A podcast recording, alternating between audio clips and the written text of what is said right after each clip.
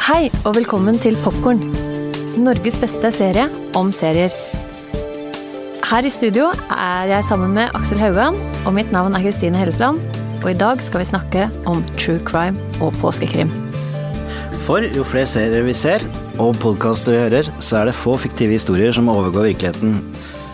Og sammen med Anders Giæver, som er vår første gjest i dette programmet, skal vi høre om fenomenet true crime, og da spesielt gjennom den serien The Jinx, som nå kan strømmes på HBO Nordic. Men eh, du Aksel, vi starter eh, før vi går eh, til, til det aller beste påskeegget. Så, så går, vi, går, vi, raskt gjennom TV-programmet, for det er jo der den tradisjonelle påskekrimmen i hvert fall for meg starta. I sofaen på, med, på en hytte med en sånn vinglete antenne. Absolutt, absolutt. Det er en del forskjellige. På NRK har de helgardert i år, og vi ser to veldig forskjellige produksjoner. Den første heter Prey. Den foregår i moderne Manchester om etterforskeren Marcus Farrow, som kommer opp i trøbbel, ender på rømmen, og hans tidligere kollegaer som tar opp jakten. Litt The Fugitive. Eh, mye action, masse sekvenser på rømmen. Var veldig populær i Storbritannia og hadde seks millioner seere på premieren. Den andre serien de har, heter Arthur and George. Uh, den er mye mer klassisk påskekrim, sånn som jeg tenker på det også. Det er uh, britisk landsby, det er uh, steingjerder, det er kapper i tweed, det er bart, damplokomotiv, fullmåne, tåke. Og det skjer en bisarr kriminell handling. Ja, det er sånn mord og mysterier oser det lang vei, spør meg. Absolutt, ja. absolutt. Og Saken skal nøstes opp av forfatteren uh, da, som heter sir Arthur Conan Doyle, i tospann med Arthur, som er på en måte Hans Watson i denne serien. Men den har nok en litt annen fart enn uh, Prey. Mm. På TV 2, hva skjer der? Du, TV 2 kjører i år en serie som heter The Guilty. Det er en forsvinningssak en liten gutt som forsvinner. Gravid politikvinne. Eh, har barn i magen, veldig kvalm. Eh, får ikke fulgt opp saken når barn forsvinner. Og så møtes de så, så knytter hendelsene dem sammen igjen, fire-fem år etterpå. Og så går, går, vel handlingen, da, både på denne morsrollen som den ene er i sorg og den andre har et barn. Eh, følelsen av å ikke kunne oppklare noe. Fikk litt sånn følelse Man har jo sett Broadchurch, og den, eh, den gjorde jo eh, inntrykk. Men, var, men, denne her ser litt sånn gråere ut. Så jeg tenker litt sånn Broadchurch på broen. Tenker jeg, er, ja, jeg tenker denne kan være. Ja, jeg skjønner hva du mener. VGTV har også laget en liten pakke til oss i år, eh, med mye krimdokumentar. Eh, her er det mye ubesudlet eh, virkelighet å ta av. Det er hanskene av. Blant annet Life After Manson, som handler om en av de siste gjenlevende medlemmene av The Family, som gjorde en rekke bestialske drap i LA på 60-tallet. Mm. Det er 59 Middle Lane, eh, tenåringsmordene, og den siste er Eileen Life of a Serial Killer, basert på Aileen Warnors liv uh, og tiden i slutten av rettssaken. Uh, du, der er det jo, jeg vil anta, en del triste skjebner å, å leve seg inn i. Absolutt. Hvis man skulle velge det. Men, men, vi må jo si da at vår anbefaling, påskeegget vårt, det består jo av HBO-dramaet, eller thrilleren, The Jinx. Nå skal vi høre et klipp som på mange måter runder av hele serien, men det er på ingen måte en spoiler, fordi eh, det har jo stått i avisa eh, at eh, Robert Durst ble arrestert sant, etter at de hadde spilt av siste episode av denne serien. Men det ødelegger på ingen måte opplevelsen hvis ikke du har, hvis ikke du har sett episodene. Har du den der, eller, Aksel? Yep. Or maybe this is the bathroom. Yeah, that's. You're right. This is the bathroom. There it is. You're caught. Uh, ok, for de av dere som ikke ennå har sett den, så eh, er det en så fascinerende historie som selv Hollywood ville takka nei til hadde den kommet i manuskriptform. Den hadde jo aldri kommet gjennom. nei da, akkurat det. Ikke troverdig. ikke troverdig. Men altså, virkeligheten overgår eh, det meste.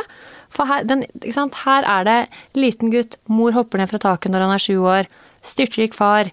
eh, han, er, han er storebror, lillebror overtar selvfølgelig familie Imperiet. imperiet. Eh, stakkars eh, lille rike gutt møter en høyst ordinær eh, ungpike fra Brooklyn eller eh, alminnelig kår. Og så gifter de seg, og så blir det ekteskapet fryktelig turbulent og voldelig. Og så forsvinner hun. Ja. Og det er eh, Og det er Og det Det er starten, og det er jo det som la grunnen for eh, filmen. eh, som er en del av starten på dokumentaren også, er det ikke det? Jo. Altså, Så ble det basert på denne forsvinningssaken, som aldri ikke den, den oppklares aldri, så gjør man en film med Ryan Gosling som helt sånn fantastisk psycho-mann. Eh, som heter All Good Things. er han bedre enn originalen, eller? ja, det, ja, for alle vi som liker Ryan Gosling, så vet jeg ikke. For du blir jo Den, den er litt sånn ubehagelig, den filmen. Ja, ok, jeg har ikke sett filmen, men jeg, jeg sliter med å liksom toppe hvor creepy Robert Durst er i virkeligheten. ja. Nå er det vanskelig å forestille seg han som ung, fordi alt i, i serien er jo live Robert som gammel mann, Riktig. eller eldre herre på Ja. 60 pluss.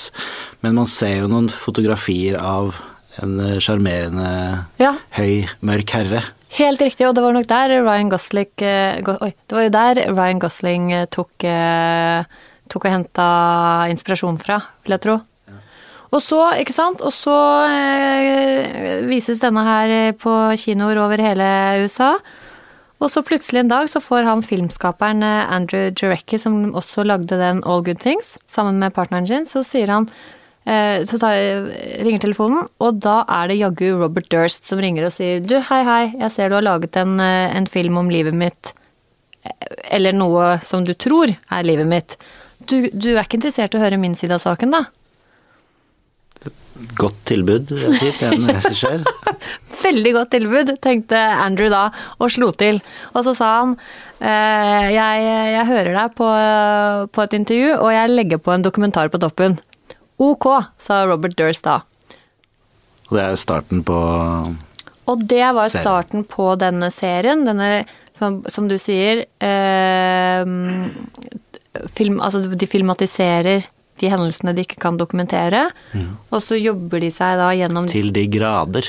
Til de grader jobber de, vil jeg si. Ja, Ja, jeg mente mer å dramatisere der hvor det, hvor ja det er for du syns fordi, den var litt langtekkelig, Aksel? Eh, ja, og så er det noe med det der at man på en måte ruller seg i de der saftige detaljene. Det gjentas og gjentas, og det er jo en del av rettssaken også, det har vi diskutert. Hvordan, hvordan man vil fremstille Robert som i en sånn litt offerrolle hele veien, og, og regissøren også sier det jo selv. Altså at han han har jo fått sympati for karen, så når han finner beviser etter hvert, så blir han jo fryktelig redd, eller Eller ja, da skjønner han vel kanskje at her, han er jo en klin gæren massemorder.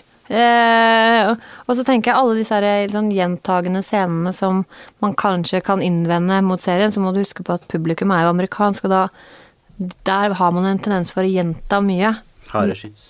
Det er harde, harde skyts. Men, ehm, men det er jo eh, som fra, det, det som er veldig fascinerende, selv om dette er ikke noe nytt, som mange påpeker, så er det ikke noe nytt at journalister går og graver og jobber for eh, den lille mann. Eh, det så vi jo f.eks. I Serial. Så er det, jo, det er en sånn klassisk journalistrolle. Eh, urett har blitt begått, mener man. Eh, journalistikken inn som en slags sånn fjerde statsmakt. Eh, og så hadde Sarah Cunning en helt fantastisk ny måte å fortelle denne historien på. Men selve på en måte eh, misjonen hennes var jo tett knytta opp til journalistikkens liksom, hjerte og ånd, da. Absolutt. Og her så er det en sånn utrolig snedig ny tanke er Jaggu, her er det journalisten som bare legger bevis på bordet, som hun eh, Janine Pirro, sånn tidligere statsadvokat i, New York, går helt i bakken av. Eller Botoxen hennes eh, liksom Avslører ikke mye. Den avslører ikke mye, men den, selv, den slo litt sprekker Ja. da disse her eh, Hva heter det, signaturbrevene eller håndskriftsbevisene kom på bordet, da. Ja, og med oss i dag har vi da Anders Giæver. Velkommen til deg, Anders. Tusen hjertelig takk skal du ha. Men eh, Eller i dag skal vi la Krekar være Krekar. Ikke et eneste lite ord om Krekar. Nei, men vi skal snakke om en som er like creepy. Robert eh, Durst. Ja, det er creepy i en annen creepy klasse, må vi da Ja, det er det. Det er nesten så du får lyst til å invitere Krekar hjem på kaffen eh, når, du ser, eh, når du ser rykningene til eh, Robert, eh, Robert Durst eh, i intervjuestolen. intervjustolen. eh. Ja, hvis jeg først liksom skal få være overfladisk og bare måle ham på inntrykket han gir, Ja, så syns jeg det er noe med de derre sorte øynene som føles som det er virkelig sånn en avgrunn der inne. Ja. Jeg tenker på Nietzsche som sier at når du stirrer inn i avgrunnen, så stirrer avgrunnen også inn i deg. ikke sant? Ja, det er veldig lite øyevipper. Ja, så og veldig svart inne der. Han har jo den tikken etter han har sagt alt mulig, så har han en sånn dyp uh, 'dette var ikke sant' i Ja, det hele tatt. Det var vel sånn psykologitime. Første psykologitime var vel en sånn blunke... Men han skal jo ikke dømmes på det. Nei, på Vi er mange alene. som kan ha et uheldig vesen uten at det skal brukes mot oss. Det er sant. Men, men uh, Robert Durst har jo da i denne uh, Jeg vet ikke om dere har snakket om det allerede? Jo, da bare snakk fritt. fritt. Ja. Eh, Robert Durst, som altså da har eh, vært etterforsket for eh, tre drap. eh, ikke dømt for noen, men dømt for å ha partert en av de han da ikke er dømt for å ha drept. Eh, er jo da en av disse store sånne eh, celebrity-sakene i USA, som, som det er en del av i USA.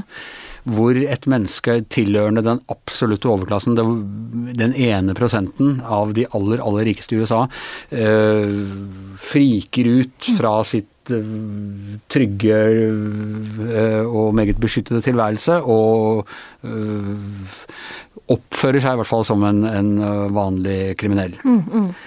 Og han eh, var da, altså kona hans forsvant i, det var på begynnelsen av 80-tallet, tror jeg, 1982. Han var den siste som så henne. Mm. Dårlig etterforskning og, og Ja, for der har du liksom alle Bare, bare selve den Bare der så er jo han eh, eh, Irske, som jeg bare tillegger han at han var han etterforskeren som satt litt sånn resignert og snakka om denne etterforskningen som du bare Ja, du skjønner bare hvor mye de har møtt av motstand, Ja, motstand, ja, og, og ja. i det hele tatt. Og her kommer de noen vanlige sånne upstate New York eh, politifolk fra et lokalt politikammer og møter en mur av verdens beste advokater. Ja, ikke sant? Mm. Og, og alle, all den rettferdighet som kan kjøpes for penger. Mm, Eh, og så, ja, så er det altså hele denne historien om en venninne av han senere som blir drept, og, og til slutt en eh, fyr, en tilfeldig nabo nede i Texas. Og det er en lang og bisarr historie, han har vært utkledd som kvinne i perioder, og, er, eh, og alt rulles opp gjennom, eh, gjennom dette intervjuet. Og eh, spoiler alert, altså i siste episode Vi kan si så mye som at etter siste episode så ble han jo arrestert. Det er akkurat det, men så er det noe med den drivet som den historien blir eh, fortalt da, og vist eh, gjennom denne serien, så syns jeg ikke det heller er så viktig. For den, den har så mye driv i seg selv at det at du veit han er arrestert, det er ikke der det står eller faller. Men Og så det var en også deilig historie avslutning. Som presenteres på en sånn måte at du kan godt ødelegge den for deg selv. Du får lyst til å ødelegge den. Du ser første episode, Ja. så får i hvert fall jeg sånn å, gå på Google Ja, og sjekke hva! Ja, det er helt hva- riktig. er Hva for ble egentlig sagt? Og så holder jeg det litt igjen, for jeg, jeg skjønner at her blir det Her kan jeg Ja. spoile. Det er litt som å liksom gå på Google når du har sett første ti minuttene av en film, og så sette seg og google på iPhonen og, Ja, og finne ut hvordan det slutter. Ja. Men det er helt riktig. Og så er det noe med den eh, som eh, vi var litt inne på i stad, Serial, som jo også er en eh, Noe i samme sjanger, da, kan vi, kalle, kan vi si det er eh, du? absolutt i, i samme sjanger, og det har vært noen andre de siste årene òg. Jeg var veldig hekta på en som kom i to omganger, som heter The Staircase. Å, ja! Som- Den eh, Men han, det var han som satt i flere rettssaker, ikke sant? Han ja. var, det var en person som da altså i første omgang, og dette var et fransk eh, dokumentarteam som fulgte han, han ble dømt for drapet på eh, sin kone. Eh, etter å ha slått henne i hjel, angivelig, med, med noe illerake i, eh, i hallen. Var sånn Cluedo. Cluedo-aktig. Og så, men det var veldig da Hadde han gjort det, hadde han ikke gjort det? Eh, en god del ting talte for, en god del ting talte mot. Han ble dømt etter en rettssak som virket temmelig spesiell. Og så finner de da flere år Og, og dette ble laget film av og, og TV-serie, og, og mange var opptatt av den. Og så gikk den fire-fem år, seks år tror jeg, og så finner man et siste Eller det viser seg at eh, en av de som var ekspertvitner i den salen, hadde bløffa, eller i hvert fall det var ikke godt nok. Og så um, blir han da frikjent, uh, får saken opp på nytt og, og blir frikjent mange år etterpå. Og den hadde også den, den typen Ja. drive. Og så vil jeg også si at den som vant Oscar for en, det er vel en ti år siden nå, som heter 'Capturing the Freedmans'. Ja, og den er det jo for de som har et skarpt øye, eh, meg selv inkludert, i The Jinx, så henger det en plakat faktisk av den filmen, ikke sant? Fordi det Ja. er samme regissør som har laget, uh, har laget filmen. det. Ja. Det er en fascinerende historie i seg selv. Han var sånn fyr som ble uh, rik på noen sånn nedlastingsgreier tidlig på 2000-tallet, var det vel, eller slutten av 90-tallet.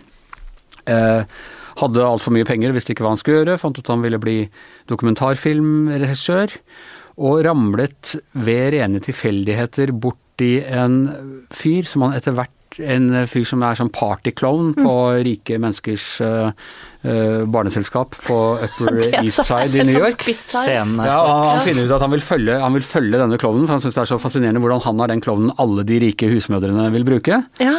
Og så begynner han, mens han i- følger han intervjueren, så begynner han å stille seg spørsmålet Why is this clown so angry? Hvorfor er denne klovnen så sint? Og det viser seg at denne klovnen er en av tre brødre som var eh, i en familie som ble fullstendig ødelagt et tiår tidligere, eh, fordi det ble rettet sånne beskyldninger om mot at faren og den ene broren hadde drevet med pedofile overgrep Uh, mot noen unge gutter i en sånn computerklasse eller computerkurs, uh, datakurs de hadde i kjelleren.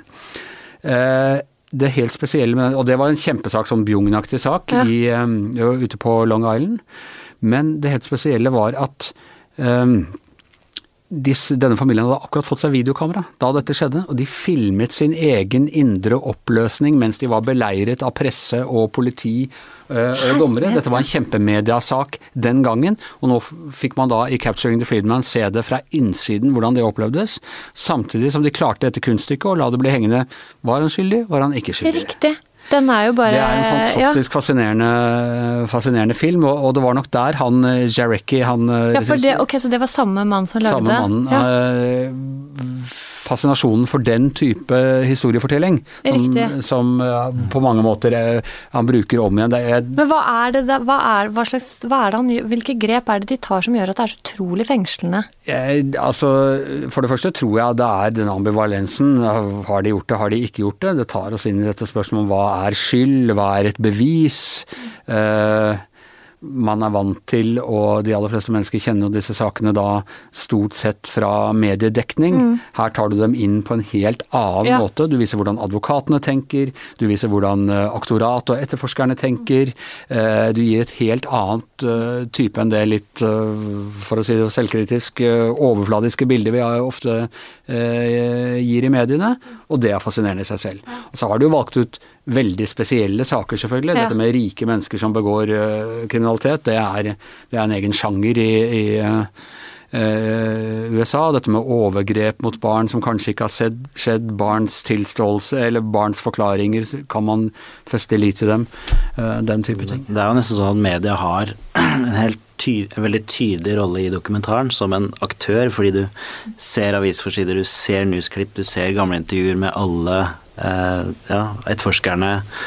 Aktor. Det er liksom ikke grenser på hvor mye de har på tape. Eh, og de plukker jo da veldig strategisk, tror jeg, eh, ut fra å underbygge hva de prøver å si i dokumentarene sine. Og vi, vi, Det er jo vi i mediene som er vant til å være regissørene, på en måte. ikke sant? Ja, ja. Vi, vi presenterer saker, så har vi kommentatorer som står ved siden av og forteller hva du skal, hvordan du skal oppfatte dette her, og sånne ting. Men her blir vi bare en av aktørene. og så er det en, eh? Da har du liksom etterforskere, aktorat, eh, forsvarere, eh, dommere, pårørende, alle disse her. Men nå blir mediene også en del av dette teatret som en eh, utenfor eh, setter opp. Du, i den derre Serial, vet du, så For den fulgte du, ikke sant? Ja. Um, så var det Man ble jo liksom. Det, man ble jo litt tom når hun i siste episode ikke landa Ja. På, eh, ikke sant? Uh, Jeg var litt over Jeg skjønte jo da det gikk mot slutten at de kanskje ikke kom til å gjøre det. litt klokere enn meg, du da. Uh, ja, men jeg tror jeg skjønte det fordi jeg ikke klarte å la være å lese noen aviser og, og,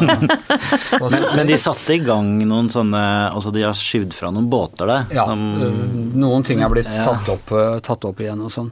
Men det er, en, det er en interessant greie, fordi en del folk som jeg kjenner som fulgte med på den, er jo nå overbevist om at han er uskyldig. Ja, jeg er jo også det. Jeg tenker jo at ja, men her hadde vi sannelig en skyldig fyr. Han Tenkte er, du det? Ja, ja, ja, totalt. Hæ?! Totalt. Jeg, Nei. Altså, han har øh, Det var ingen andre med et motiv, det var ingen andre med en mulighet. Da måtte denne kameraten, hva var det han het for noe? Jay. Jay. Jay har, da måtte han ha gjort det, Ja, men det var jo han som gjorde det. Satt- og, hvor, og hvorfor skulle, skulle han gjøre det? Hvorfor var da ikke en annen mer opptatt av Jays eh, rolle? Han var liksom sånn ja, det var dårlig gjort av Jay å si at jeg hadde gjort det, for jeg hadde jo ikke gjort det. Nei, det var der er jeg guilty. Ekstremt fascinerende. Men, men det er jo noe med det at det som har gått i The Jinx, da er jo den der at man får runda av på et Ja. vis, og så kan man mene hva man vil eller ikke. Men i Serial så henger den jo veldig sånn uforløst eh, på sett og vis. Du kan si at det var den forskjellen på, på Jinx og, og um, Serial-saken er jo å vise hvor mye lenger du kan komme med penger. Riktig, Fordi, eh, og så trist. fordi han uh, Durst er jo også helt opplagt eh, skyldig. Ja. Ikke sant? Han har jo til og med innrømmet det ene drapet, men det er bare Ja, eh, ja. Han bare Han var- falt mot kniven min 17 ganger, eller hvordan det var.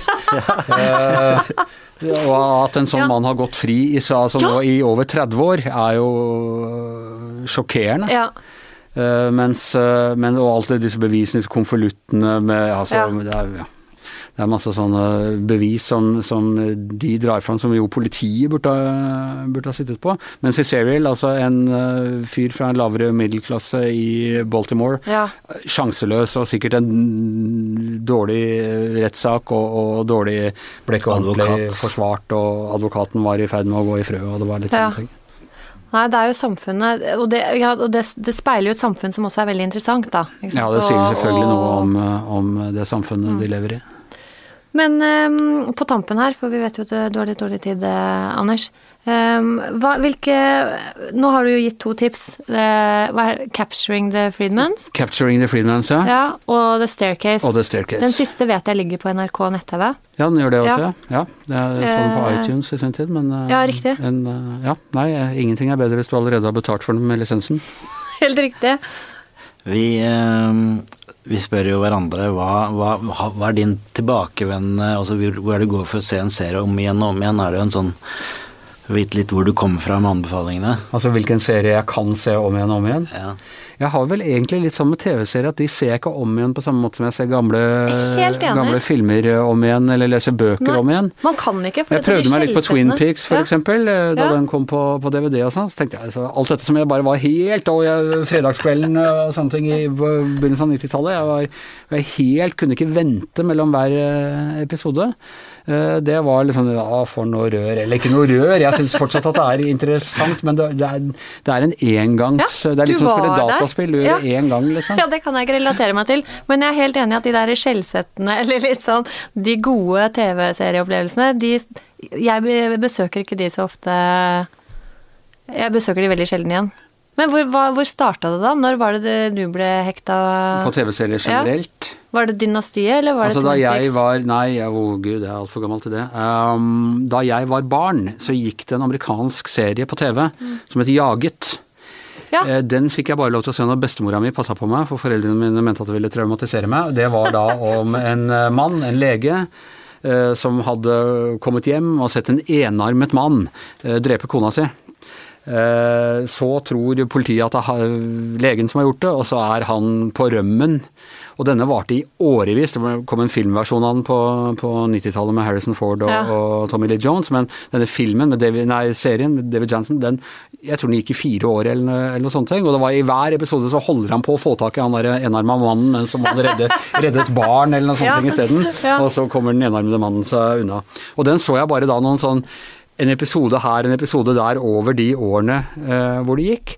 Og jeg var Det var egentlig min store drøm å få sett hele den. Den kom på DVD da for en ti års tid siden, så lurte jeg på skal jeg sette meg ned og se liksom 350 episoder med Jaget. Fra- fra 1963 til 1967, og så tenkte jeg nei, jeg tror kanskje ikke jeg gjør det. Nei, nei, men det er bra. Men, det- men det var den første som trigga det der i meg. Det Ja. der, eh, hvor du får behov for sånn binge-watch Ja. og, og bare setter deg ned og kunne se Ja, alle episoder. den derre lille i magen ja, som går. Du da, Kristine? Nei, jeg må vel være så ærlig å si det var dynastiet. Nå satte jeg i gang den. Ja, dessverre. Det var primetime på NRK, det. Store deler av 80-tallet. Jeg så Dynastiet Jeg var veldig, jo da... jeg studerte på, Ja. på den tiden, og vi hadde fast inn på en sånn studenthybel og sånne ting. Eh, Interessant gjensyn med Dynastiet mange år seinere jeg var eh, i pappaperm. Og så gikk det på TV3. eh, Og så gikk det hver dag, én eller to episoder hver Ja. dag. Og plutselig spola du gjennom på en uke det som hadde tatt liksom et Ja, halvt fordi, år. men det var jo noe med den glamouren, og det, jeg var jo da 13-14 år, og den derre voldsomme amerikaniseringen, altså disse derre flotte, kjekke, gørrkjedelige mennene og de der plastiske damene Jeg vet ikke, jeg har, har, har ikke noe forsvar nå, annet enn at det var Det eh, var slik 80-tallet liksom kom til Norge. Det var det! Det var det! Godt Da sagt. For alltid preget Denver, Colorados eh, ja. Så du kan nok heve lista der litt, Aksel. Ja. Nei, jeg, min tilbakevendtserie er jo nettopp Twin Peaks, fordi den var så ja, far out, og den hadde så mange tunge karakterer første gang jeg så den. Og så er det jo noe med at man romantiserer det, som du sier. Man så Men hvor på en lenge, tid. ser, hvis du ser den på nytt, hvor lenge Du ser ikke helt ut i langt ut Nei. White Lodge og alt Nei, det der. det har jeg jo forstått seinere, at det er jo sesong én hvor Lynch er involvert. Ja. Han fikk jo penger til å lage Violet Heart eh, når han rappa opp sesong én, så da var det nye regissører. Så da var det jo veldig kvalitetsnedgang etter det, definitivt. Men, eh, men jeg syns det er et eller annet med samlingen av musikk, det er liksom scenen med den her lille landsbyen, stemningen. Jentene. Absolutt. Hadde ikke så Absolutt. kake òg? Bare lemon pie eller Cherry pie. Cherry Cherry pie, ja. ja. ja. Kaffe. og- Yep. Ja, nei, den har en helt egen, og jeg var i, eh, jeg var i staten Washington nå for, for noen år siden eh, på jobb, og det å kjøre oppi der og de Douglas fir-trærne og i det hele tatt, det gir en helt spesiell Ja, jeg har også vært Snoqualmie Falls, er det ikke det det heter? Jo, det er ja, det er jo sånn creepy Det er noe rykter om at de skal gjøre noe nytt på greiene nå, men eh, Ja, jeg tror de er stadfestet, at de skal ja. lage noe sånt. men jeg vet ikke, den der filmen og Fire Walk With Me og sånn levde ikke helt opp til Nei. Vi får la det være en god start på en lang seriekarriere. Ja. Eller, ja. Ja. Jeg tror også Hvis det først kommer til åpning på TV-serie, jeg er veldig glad i sånne. TV-serieåpninger, Ja. så må jeg si at Twin Peaks er eh, med sagbruket og, og den fuglen og alle de tingene. Men da må du også se den nye til Netflix, eh, Bloodline. Den så jeg første episode av i går. Ja, jeg slukte den i helgen. Ja, og det er bra. Du, la deg ikke lure av de to-tre første litt sånn episodene. Nei, nei, men jeg For den uh, They had me from hello, Ja, det- jeg, skal, det, ja. jeg skal se hele den. ja, veldig bra, Anders. Tusen takk for at du var med oss i dag. Bare hyggelig. Ja, nei, så Bloodline, det er, min, eh, det er også min eh, anbefaling for, for påskebingingen. Du da, Aksel? Hva, hva anbefaler du å skru tune inn skjermen på?